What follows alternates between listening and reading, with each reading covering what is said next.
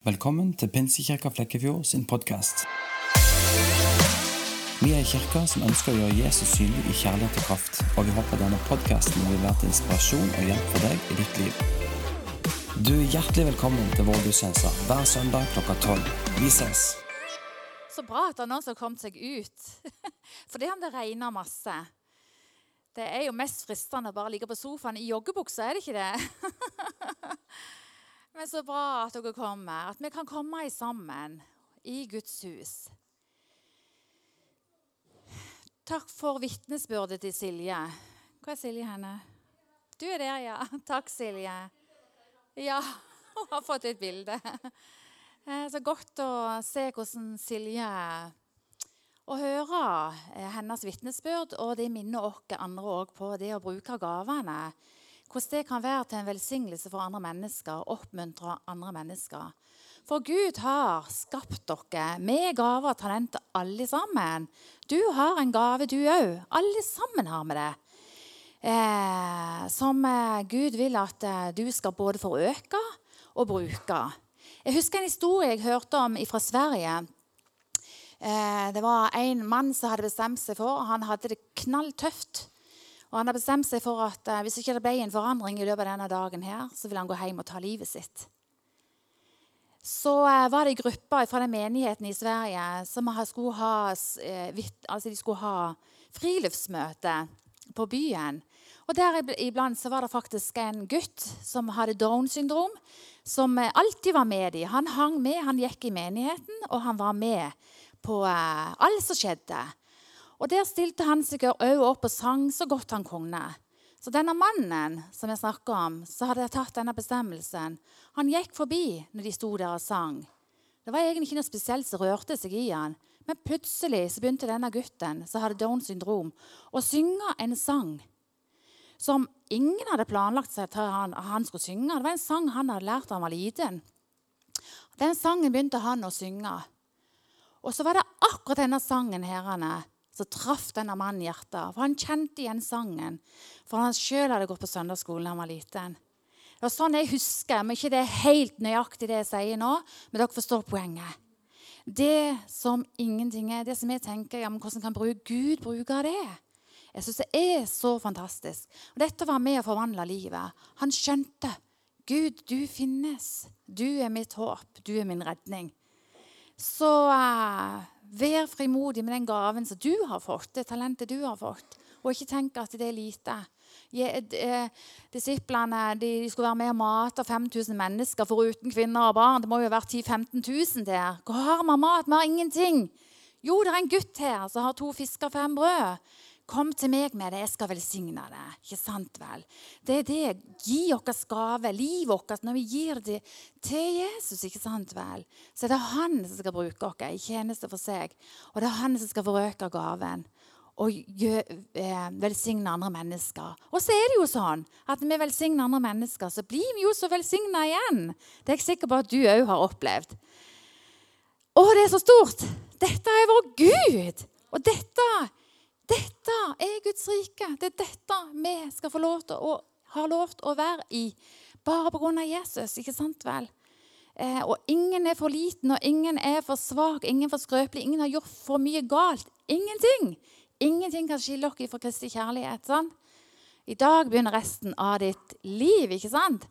Og eh, hvis vi tar en bestemmelse Jeg vil følge deg, Jesus, og være til velsignelse. Jeg vil være en menneskefisker. Det er litt det jeg skal tale om i dag.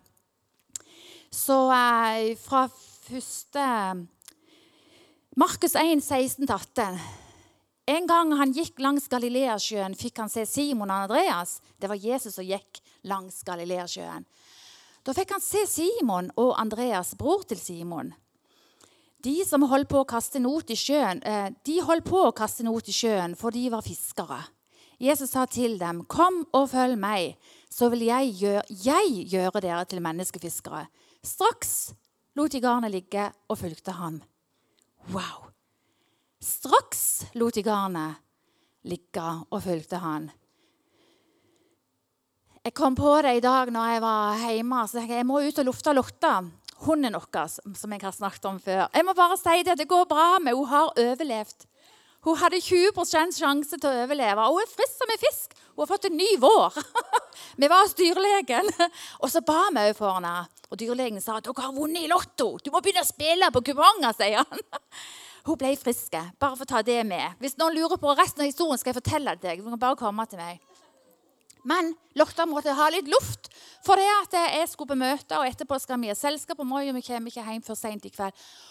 Og så tenkte jeg nå må jeg gå ut. Åh, jeg har ikke lyst til å gå ut i dette været. Ja, ja, det er bare til å kle på seg. Jeg tok på den beste jakka mi og, og eh, eh, utstyr. Og så 'Lotta, kom! Nå skal vi på tur.' Og da kom hun med en gang. vet du. Hun elsker å gå på tur.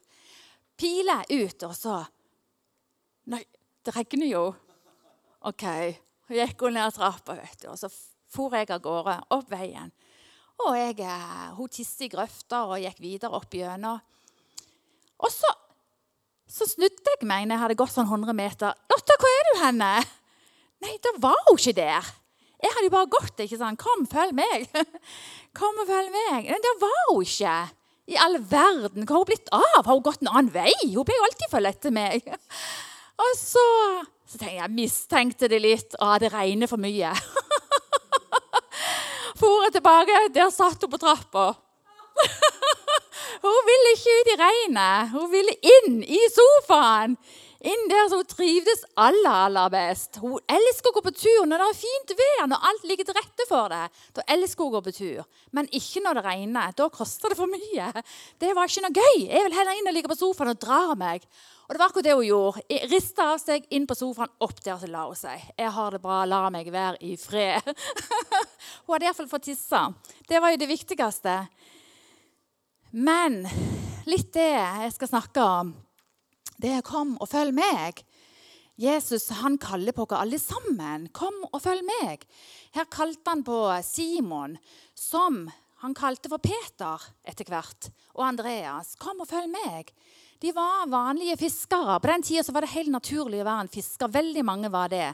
Og det var det som danna økonomigrunnlaget i familien. På den måten forsørga de både seg sjøl og familien. Det var det de fikk i garnene sine. Det var om å gjøre for masse fisk. Og Da eh, hadde du lykkes med den dagen. ikke sant? Så når Jesus da kommer forbi og sa 'Kom og følg meg', så må jo det ha vært utfordrende. En hvem som helst visste de egentlig hvem Jesus var. Det står vel ikke så mye om det, men, men det var noe med Jesus. Det var noe med han som gjorde at ja, de ville slippe garnene. Sto opp og fulgte han og lot garna ligge. Det er jo eh, Jeg syns at det er jo sterkt. Eh, det sier mye om at jeg tror at de følte det var noe med Jesus. Og så utfordrer jo det gjerne det oss litt. ikke sant vel? Kom og følg meg, sier Jesus. Det er så fantastisk. Vi har hatt eh, mange taler nå eh, i flere, på flere søndager om det at hvem vi er i Jesus. Eh, nåden er for oss alle sammen. Vi er rettferdiggjort pga. Jesus, det han har gjort for oss. Og så har han skapt dere til framtid og håp. ikke sant? Så han skapte dere òg for at vi skal være med og fullføre det oppdraget som Jesus hadde sjøl når han gikk på denne jorda. Eh, vi leser fra Lukas 4, 18. Det var derfor Jesus kom til jorda. ikke sant vel? For det han først og fremst for at han skulle frelse oss og føre oss tilbake, føre oss tilbake igjen til Gud for å redde oss, kjøpe oss med sitt eget blod. Dette har vi snakket mye om. Jeg håper du har fått det med deg. ikke sant? At uh, han er betaling nok. Når du tar imot Jesus, så trenger du ikke gjøre noen ting mer for å fortjene frelsen. Vi tar imot frelsen i tro. Når vi tar imot Jesus, så er vi Guds barn. Så enkelt er det, men vi har så lett for å forkludre det. Så er det bare det. Da blir det født på ny. Vi blir født på ny. Ikke sant? Det er det lille livet som spirer fram inni oss. Så er det meninga at det skal vokse opp mer og mer. Mer og mer. Og at vi skal bli Jesu etterfølgere. Har du Lukas 4,18? Jesus sitt oppdrag. Han kom og sier, han, Det var en sånn programerklæring som han hadde han, før han begynte sin tjeneste. Så sier det, det er derfor jeg har kommet. Herrens ånd er over meg, sier han til, til, folket som hørte på. For han har salvet meg til å forkynne et godt budskap for fattige. Han har sendt meg for å rope ut, ut, at fanger skal få frihet, og blinde skal få syn igjen. Og for å sette undertrykte fri og rope ut en nådens år fra Herren. Så fantastisk! Det er dette Gud sendte Jesus for. Ikke for å fordømme verden. Jesus kom for å frelse verden. Jesus sa òg omvend dere, for Guds rike har kommet nær. Ikke omvend dere, for ellers går dere til helvete. Nei! Omvend dere, for Guds rike er kommet nær. Ikke sant? Og Guds rike det kom med Jesus. Og Jesus kom med gode nyheter. Han kom for å rope ut at fanger skal få frihet, og blinde skal få syn igjen. For å sette undertrykte fri og rope ut et nådens år fra Herren. Det gjelder oss i dag. Det gjaldt i den tida da Jesus gikk på jorda. Og det gjelder òg. Oppdrag gjelder oss. Det er det Jesus han sa. 'Kom og følg meg', sa han til Simon Andreas. 'Kom og følg meg, så skal jeg gjøre dere til menneskefiskere'. Han hadde fantastiske oppgaver, han hadde fantastiske nyheter. Men han trengte flere med seg for å spre ut disse nyhetene. For en dag så skulle Jesus gå hjem igjen til sin far i himmelen. Og Da trengte han at, noe, at det var noen som fulgte han, som han kunne lære opp som han kunne videresende ut i verden. Og det var disiplene hans, ikke sant? Og eh, det var jo en kjempestor oppgave eh, for disiplene. Og hvordan skulle det gå til? Vi ser det, og vi vet det, at Jesus brukte enormt mye tid sammen med disiplene. Hva, er, kalles, hva betyr en disippel? Hva er det egentlig? Eh, det betyr en elev en elev, en lærling, det er en disippel. Og for å være en lærling, en elev, så må det jo være noen som forteller deg hva du skal gjøre. ikke sant? Eh, og det var det Jesus gjorde. Derfor så brukte han veldig mye tid med disiplene, elevene sine. For de var jo ikke vant med å gjøre de tingene som altså, Men de hadde potensialet. ikke sant? Jesus sa de hadde potensialet. Kom og følg meg, så skal jeg gjøre dere til menneskefiskere. Jeg skal dyktiggjøre dere, utruster dere. Så eh, Derfor så brukte han mye tid med disiplene. Og Disiplene ble etter hvert den innerste kretsen til Jesus. Det vil jeg bare si at det er du òg. Du er den innerste kretsen til Jesus. Er det ikke fantastisk? Han vil bruke tid med deg. Han brukte tid med disiplene sine og lærte dem opp, dyktiggjorde dem, istandsette dem. Og lærte dem om forskjellige ting, om Guds rike. Han lærte de òg om det åndelige riket. At vi òg har en motstander. ikke sant? Man lærte de opp hvordan de skulle møte dette åndelige riket. Møte fienden. ikke sant? Så lærte han de opp. Han fortalte de at eh, på den åpenbaringen som Peter hadde fått, at du, Jesus, du er jo Guds sønn. Fikk, opp, nei, Peter fikk åpenbaring han skjønte det med is i ånd. Du er jo Guds sønn. Du er en levende Guds sønn. Og så sier Jesus på denne klippen, på deg, Simon Det var Simon som var egentlig bare en menneskefisker. Nei, en, en vanlig fisker. Nå var han blitt utrusta etter hvert til å bli en menneskefisker. På deg, på den åpenbaringen du har fått, vil jeg bygge mitt rike. Og dødsrikets porter skal ikke ha makt over det. Ikke sant? For du var blitt lært opp til å stå på den grunnvollen Jesus Kristus. Og han hadde utrusta dem, forma dem, lært dem, på grunn av at de hang seg på Jesus. Vi må jo vite mer, vi må lære mer. Vi fulgte han i tykt og tynt. Kan hende de nok var hjemme hos familien sin litt av og til. Men så fulgte de Jesus. ikke sant? De måtte jo gjøre de nødvendige tingene òg, men de fulgte Jesus overalt der han gikk. Og så vet vi det at eh, Peter han var svak i seg sjøl. Han fornekta jo Jesus. Han dumma seg ut mange ganger. Men Den hellige ånd kom over han og fulgte han med ånd og kraft, så ble han tent i brann, og han var ikke redd lenger. Han forkynte for 3000 mennesker som ble frelst og døpt på én dag. Er ikke fantastisk? For det Gud berørte med sin ånd, så berørte han eh, menneskene. Og så brukte han Peter. Og om ikke du skal stå og forkynne for 3000 mennesker, så tror jeg allikevel at du skal forkynne for de som er nær deg. I din familie, i ditt nabolag, på arbeidsplassen. Og det kan du, ikke i egen kraft. For hvis vi strever og kaver og alt det her, vet du hva, så vil vi slite oss ut. Og så vil vi òg kjenne på det. Vi vil kjenne på det mange ganger, at vi er redde. Vi vil kjenne på det. 'Å nei, det er så mye bedre her i min komfortsone.' Jeg vil helst være der så jeg kjenner meg trygg. Ikke sant?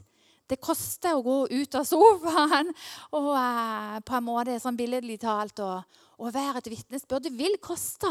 Men Jesus har lov til å være med oss alle dager. Han vil være med deg alle dager til at du skal være en menneskefisker og være et lys. Og du skal få bruke dine talenter og gaver der du er på din arbeidsplass og skolen. Det er ikke bare kirka at man skal stå her eller være det er òg det er viktig å bygge Guds rike, at menigheten har alt det som man skal ha og, og trenger til. Men det er her vi skal bli utrusta. Være sammen. Og så skal vi gå ut og forkynne for all verden. Og være til velsignelse i din tjeneste, i din oppgave. Enten du er elev, eller om du er eh, sykepleier, lærer. Uansett. Der du går, der er Guds rike, for Guds rike er inni deg. Og når du lever med Jesus, så vil du være et lys. Om du vet det eller ikke. Og plutselig en dag kan du gjerne bli minnet på når skal jeg gjøre det. En dag så jeg lagde potetkake. Jeg har lykkes med det. Jeg hadde trent meg mange ganger. Denne gangen lyktes det. Det er noe med det å ikke gi opp for det vi ikke får det til første gangen. Nå lyktes, lyktes, lyktes, jeg med det. Så ble de jo så gode. Ikke sant, Fredrik? Mens vi satt der og spiste, hadde jo rua med potetkake. Så kjente jeg bare hvem jeg skulle bli, minnet med å gå med noe, smøre på noen eh, med, med, smør og sukker og så gå på besøk og dele ut de potetkakene. Så kan man da tenke er det meg eller er det Gud? Jeg valgte å tenke at det er Gud, at han minner meg på det. Så jeg smørte på når Fredrik hadde gått. Så smørte jeg på, og så gikk jeg til denne personen. Så viste det seg at denne personen har vært i en veldig veldig vanskelig situasjon. Det har vært kjempe, kjempe, kjempetøft. Kan ikke si så mye mer om det. Men det lille besøket, fem minuttene der Gud sendte meg til denne personen, så forandra det hele hans situasjon. Det var med å bare Han opplevde nok at Gud så han ved at jeg fikk lov til å være en sendebud og være med å oppmuntre og heie på han. Kom igjen, stå på. Det er ingen skam å snu. Eh, Jesus elsker deg uansett. Om du har dumma deg ut nå Ja, det er sant, det er sant, det er sant. Og bare tok han imot det. Jeg bare så at eh, dette betydde noe for han. Så traff jeg han igjen neste dag, og der sier han for mange andre at jeg fikk et besøk i går. Det var fem minutter, men det forandra hele min situasjon. Det forandra hele min hverdag. Og sånn er meg og deg òg meint å leve. Og jeg var jo sikkert den som følte meg mest velsigna når jeg kunne få lov til å gå Guds ærend. ikke sant vel? Jeg er sikker på at han òg kjente seg veldig veldig velsigna. Men men det er noe med det. sant? Prøv det. Gå på det. Og tenk at ja, det er ikke sikkert det er Gud, det er gjerne bare meg. Men gå likevel. Gjør det nå når noen får noe potetkake. Eller, det, ikke sant vel? Å, det er så gøy. Det er så spennende. Å være i Guds rike.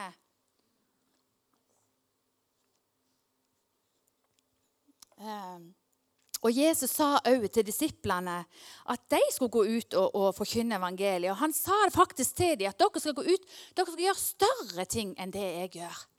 Tenk det! Det er det som er vårt eh, kall og mulighet. At vi skal få være med og gjøre større ting enn det Jesus faktisk gjorde. Så vi, ikke, vi trenger ikke ha tro på oss sjøl, vi kan ha tro på Gud. Sant vel? Det er der vi må ha blikket festa. Men viste Jesus viste faktisk til disiplene hvor avhengig han var av sin far. Han brukte tid alenestund med Gud. Han trakk seg avsides, måtte bare være alene. Og han sa, 'Jeg gjør ingenting uten at min far har vist meg det.' For der fikk han ikke sant vel? Der fikk han både styrke, han fikk ny, fornya kjærligheten sin, han fikk veiledning, han fikk ny kraft. ikke sant? Så Derfor så var han så avhengig av Gud. Et forbilde for disiplene og et forbilde for oss. Og han sier òg eh, Jeg kan ikke gjøre noe av meg sjøl, for jeg søker ikke min vilje, men hans vilje som har sendt meg. Ikke min vilje. Og Det ser vi òg når Jesus eh, skulle gå til korset. Så var det en enorm kamp for han. Det var et, vi kan ikke forestille oss det. Og det var, Han sto på prøve òg, ikke sant? Orker dette her, han er.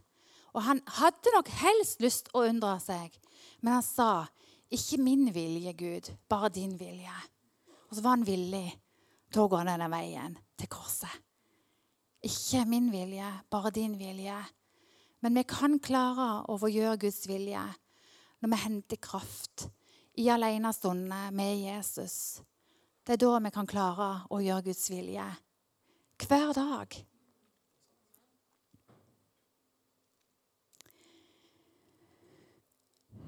Og jeg tenker også det å søke Guds vilje for, for vårt eget liv i dag.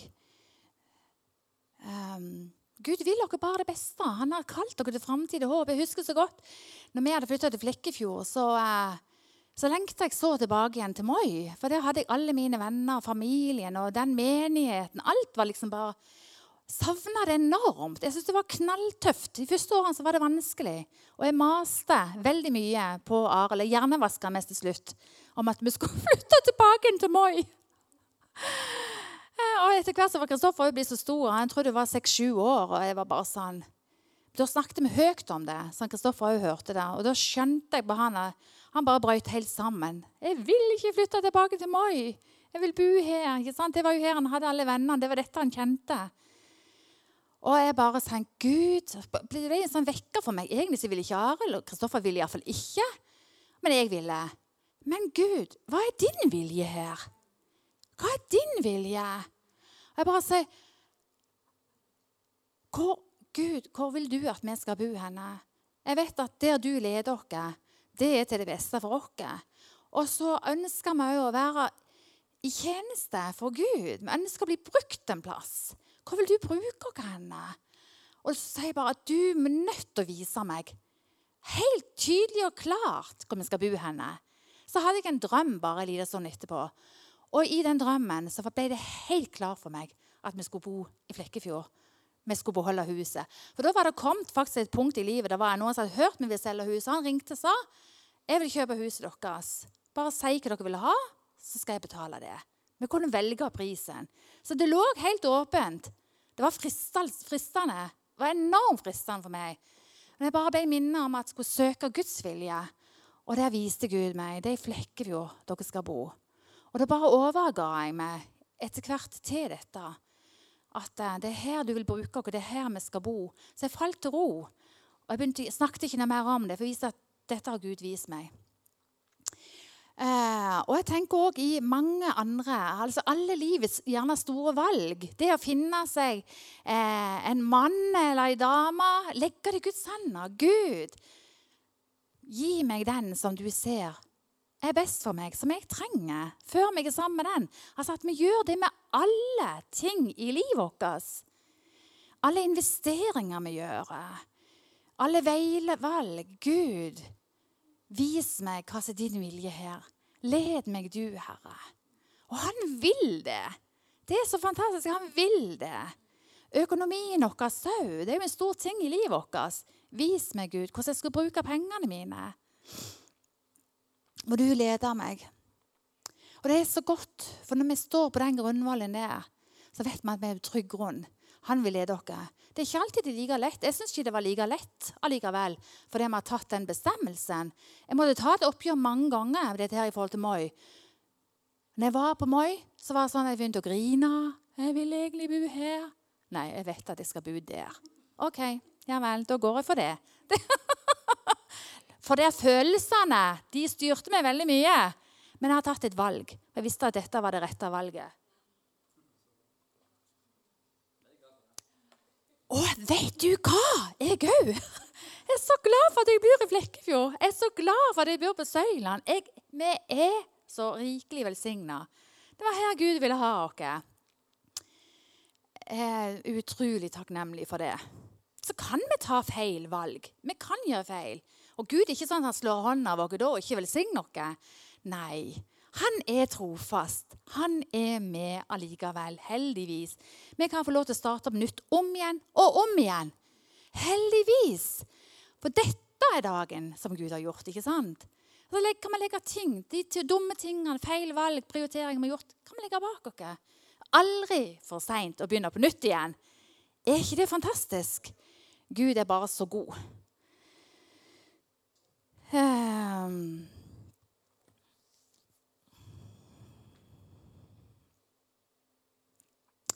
vil bare si litt om det òg, at det, i dag det, si, Vi òg har jo gitt dere til Jesus. ikke sant? Bruk meg, du, Jesus. Jeg vil være din disippel i dag. Eh, og når vi sier det, Gud, bruk meg, har du din vei i mitt liv, så vil han Han tar imot oss. Det er akkurat det han vil. At vi skal legge fra oss gjerne det gamle livet, vår måte å gjøre det på. Gud, nå må du få kontroll i mitt liv. Jeg vil at, gi deg fullstendig kontroll i mitt liv. Bruk meg, du. Led meg. La meg få være en kanal til velsignelse for andre mennesker. Så er det gjerne sånn at der, bor jo litt sånn mye rart i oss. Ikke sant? Jeg var veldig sånn før at eh, jeg var, kunne være utålmodig. Eh, og jeg var veldig sånn at jeg måtte jo som eh, Jeg hadde jo støv på hjernen. Det var ikke alltid så gøy for de som bodde sammen med meg. og Rydd etter dere! Nå blir skitten der! Og så ble jeg irritert og sur. og jeg bare kjente det var så mange ting i mitt liv som var bare sånn Vet du hva, det er ikke sånn jeg vil være. Uh, og jeg kunne jo være mistenksom mot andre mennesker, for jeg hadde opplevd en del ting så, som mennesker hadde gjort imot meg. Så jeg kunne være mistenksom. Ja, mener de dette her? Ja, er det noe skjult hensikt her? ikke sant? Alt dette her kjente jeg at dette er ikke godt for meg.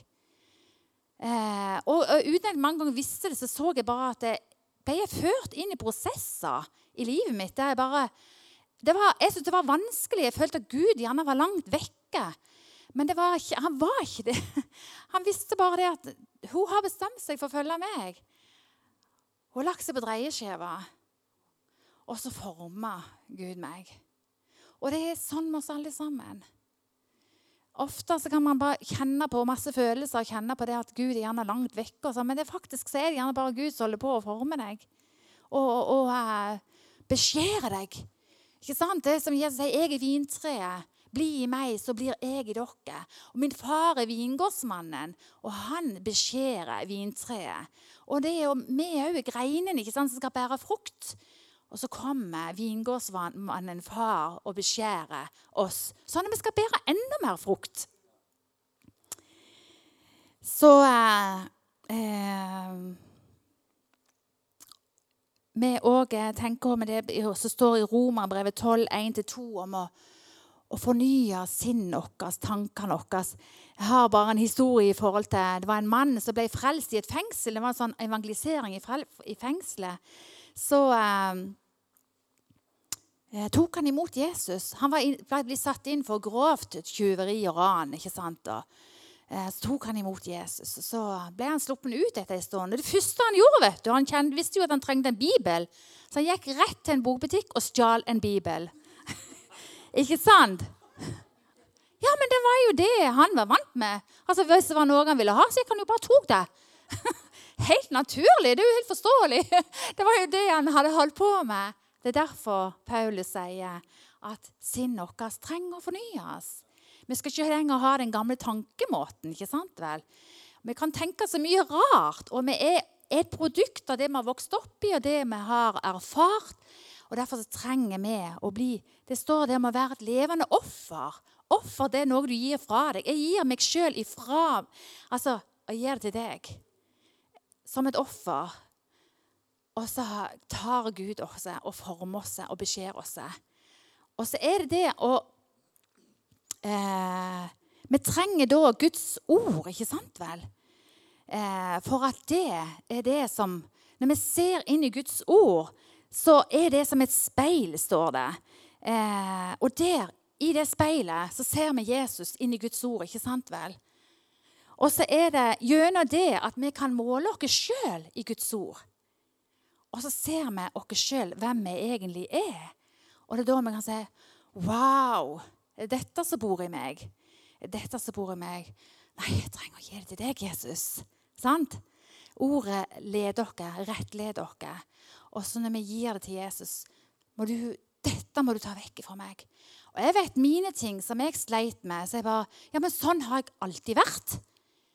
Hvordan i all verden kan, det, kan jeg forandre meg?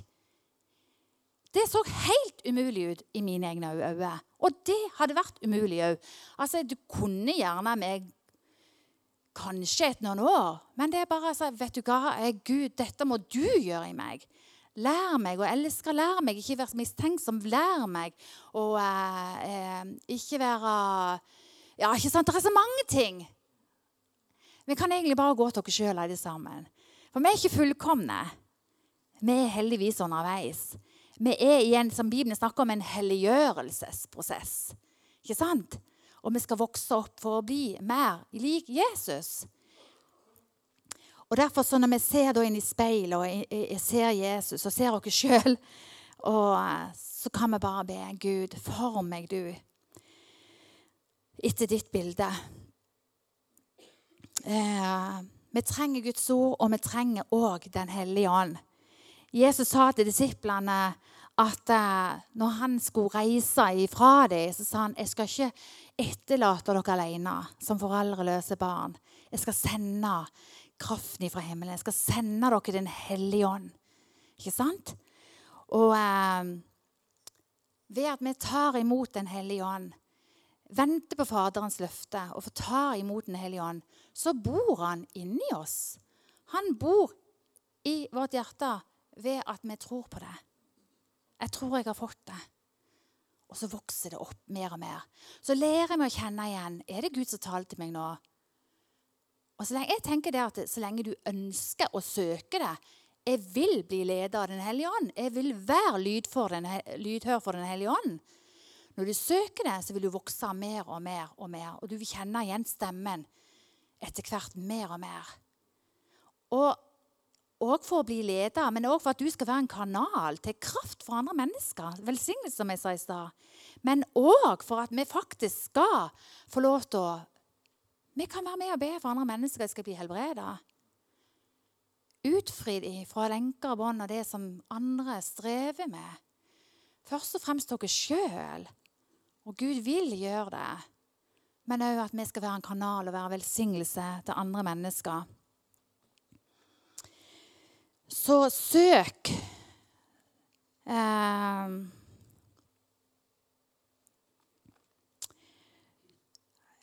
Treng deg på å søke etter mer av Jesus, mer av Guds kraft. Ikke gi opp og tenk at nei, dette blir for slitsomt. Dette blir for sært. Det høres jo helt merkelig ut. Det klarer meg egentlig godt. Og det gjør vi jo. Vi klarer godt. Eh, vi har det jo så godt på alle, alle måter. Og vi overlever jo. Men Gud vil at du skal vokse opp og bli en moden kristen. Eh, for han trenger det for at eh, Guds rike skal utbres. Han trenger deg og meg for at Guds rike skal utbres. For at vi skal være til velsignelse og være et lys for andre mennesker. Jeg tenker Han som jeg øver oppe og bare for de fem minuttene Tenk hvis vi mer og mer kan få lov til å være der, alle sammen, og være til velsignelse for alle de som sitter i mørket, som har det bare så tøft. Gud bruker deg, og han vil bruke deg. Vær bare bevisst på det hver morgen du står opp. Jesus, takk for at du er her sammen med meg. Jeg vet at for, meg, jeg, for min egen del er det veldig godt når jeg står på morgenen, at jeg gjør bevisst valg. Hellige Ånd, kan du kjenne at han kommer? Ikke sant? Han er der som en venn. Han er der! Det er bare sinnet vårt er gjerne der og der og der.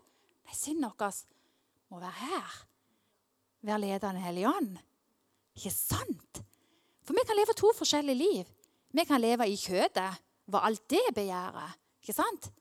Nei, nå vil jeg det. Nå vil jeg heller gjøre det. Jeg vil heller ligge på sofaen her i dag. Og så vil jeg heller bruke pengene mine til det. Og så vil jeg gjøre sånn og sånn og sånn. og sånn. Det er ikke sikkert det er det som er Guds vilje for ditt liv. Det er ikke sikkert det er der alle velsignelsene og overflodslivet er. Spør Gud. Jeg tenker korsfester sitt eget kjøtt hver eneste dag. Hver dag så må vi det.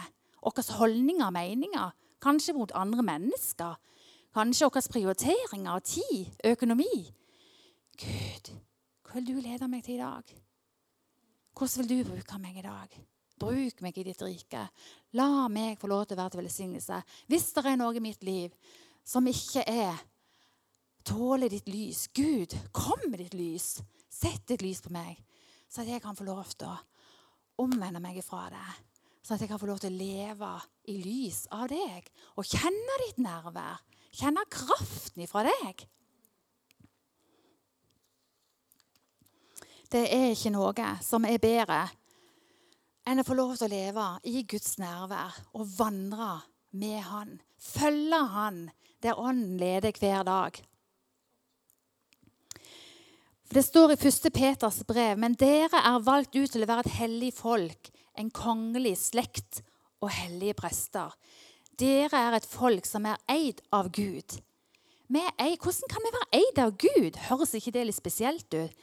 Mange vil være frie. Jeg vil jo gjøre som jeg vil. Så er det dette Skje din vilje, Gud. Skje din vilje, Gud. Det er det at vi er, Vet du hvorfor vi er eid av Gud? Fordi vi er kjøpt med en høy pris. Jesus betalte prisen for deg og meg. Derfor er vi eid av Gud. Vi er hans eiendom. Og faktisk, når vi da har fått den statusen at vi er Guds barn, så er vi helliggjort. Vi er hellige. Jeg går ikke rundt i byen og sier at jeg er hellig, jeg er hellig. men jeg vet at jeg er det. Jeg er en press for Gud. Jeg er hellig. Og det betyr, Hellig betyr at vi er satt til side for en annen hensikt. Du er tatt ut av mengden, tatt ut av den vanlige menneskemengden, satt til side for Gud. For at Gud skal bruke det til sitt formål. Han har skjært deg vekk. Og du sitter med Jesus i himmelen. Han har gitt oss himmelrikets nøkler. Det mener at vi skal vokse opp og bli modne kristne og vite hvem vi er Jesus. Og stå på det. Det er en prosess til du kommer der. Vet du hva? Jeg vet hvem jeg er Jesus. Jeg står djevelen imot, ikke sant vel? Jeg snakket her for eh, en stund siden med ei dame som har vært kristen i mange mange år. Som sleit med så mange ting. Eh, og jeg bare kunne oppmuntre det og, og fortelle hvem hun er i Jesus. De tingene som du sliter med, de tingene du er redd for, det du er redd for, det kan du bare proklamere Jesu blod over livet ditt, beskyttelse. Og bare stå djevelen imot. For det er det vi skal gjøre. Vi er blitt lært opp for å bli soldater i Guds rike.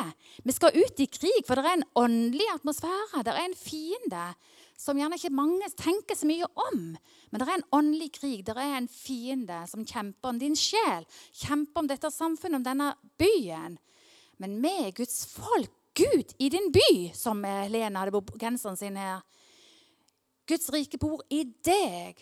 Og det at du vet hvem du er, og er bærer av Guds ånd, og står djevelen imot i ditt eget liv og i denne byen, og begynner å be for byen og befaler all ondskap og dritt vekk Når du begynner sånn å proklamere, så må djevelen vike. For du er lyset, og lyset er sterkere enn mørket. Men det er så viktig at du vet hvem du er, og at du dine føtter er satt på en grunnvoll Jesus Kristus. Det er så viktig at vi vokser opp og skjønner vår identitet. Og når vi begynner å skjønne det ut ifra at vi vi har blitt lært opp, vi leser i Bibelen, vi skjønner hva som er sant. Vi ser alle løftene som gjelder din familie, gjelder deg, gjelder menigheten. Det er oss, våre løfter, det er det vi må stå på. Og så må vi bare befale mørket og alle de tingene som er rundt dere som vil rive oss ned. Vi bare proklamere Jesu blod. Og takk, Jesus, for at du har lovt at dine engler skal beskytte meg. Dine engler skal bevare ungene mine i dag. Jeg har ingenting å være redd for. Jesus, takk for at du har lovt å være med oss alle dager. Vi skal stå han imot. Vi har fått.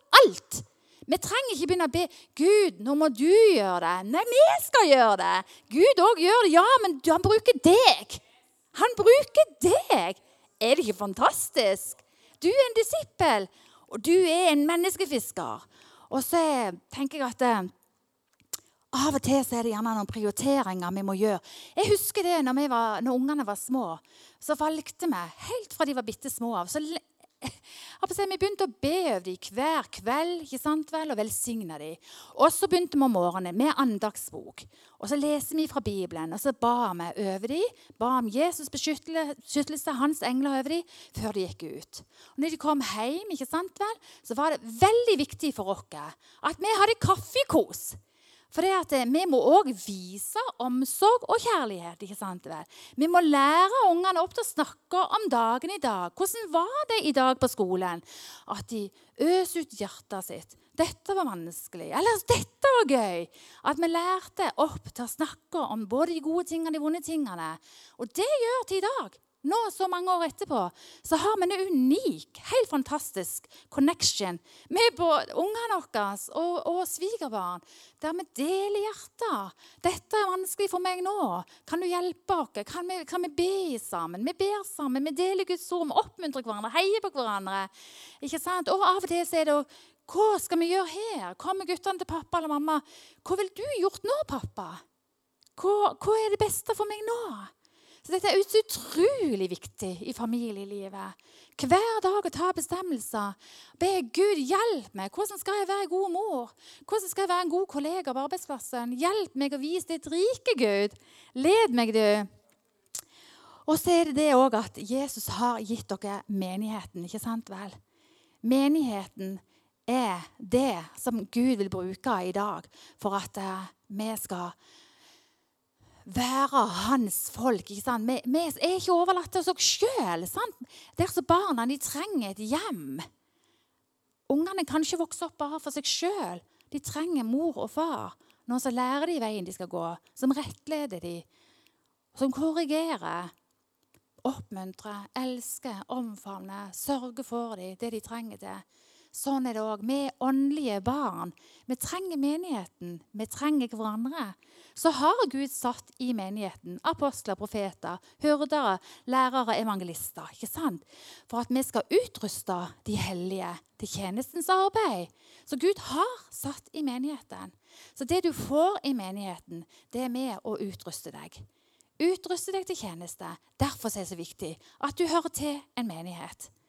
For at vi er jo hans lemmer, og vi skal være til velsignelse for hverandre. Og så blir vi utrusta for å gå ut og tjene. Det er så fantastisk. Gud har jo satt alt i system. Han vet om alt. Han vet hva vi trengte. Vi trenger han. Vi trenger hverandre. Vi trenger menigheten. Ja, nå skal jeg snart slutte av. Eh, er, jeg, jeg, tror jeg begynner å bli gammel. For de sier at når man begynner å bli gammel, så husker man liksom tilbake igjen til alle de ting man lærte da man var ung. Men det er, er, noen sanger som jeg lærte når vi gikk på Sion på Moi. Fra evangelietoner eller Maranata. Så sang vi en del sanger som bare kom om igjen og om igjen til meg. Så taler så sterkt til meg. Og i eh, en av de sangene som kom til meg nå, når jeg forberedte meg til talen, så er det en sang som heter Ha du din vei, Gud, ha du din vei. Jeg er som lere, dann meg lik deg. Støp meg og form meg etter ditt ord. Stille jeg venter, lengter og tror. Ha du din vei, Gud, ha du din vei. Prøv meg og gjør meg mester lik deg. Rens meg, å Herre, hvit, ja, som sne. Nå mens jeg ydmyk synker i kne. Har du din vei, Gud, har du din vei. Såret, bekymret søker jeg deg. Fyll all min lengsel, frelser så mild. Leg meg og led meg slik som du vil. Har du din vei, Gud, har du din vei. Fullkommen gjør meg, dann meg lik deg. Fyll meg med ånden, innta meg mer, til du ditt bilde klart i meg ser. Så eh, ja, har du din vei, Gud. Kom og følg meg. Jeg vil gjøre dere til menneskehviskere. Det handler om at vi overgir oss til Jesus. Det er han som skal skape sitt bilde i oss. Er det ikke fantastisk? Det skal ikke være et strev. Nei. Så uh, Gud velsigne dere alle sammen. Amen.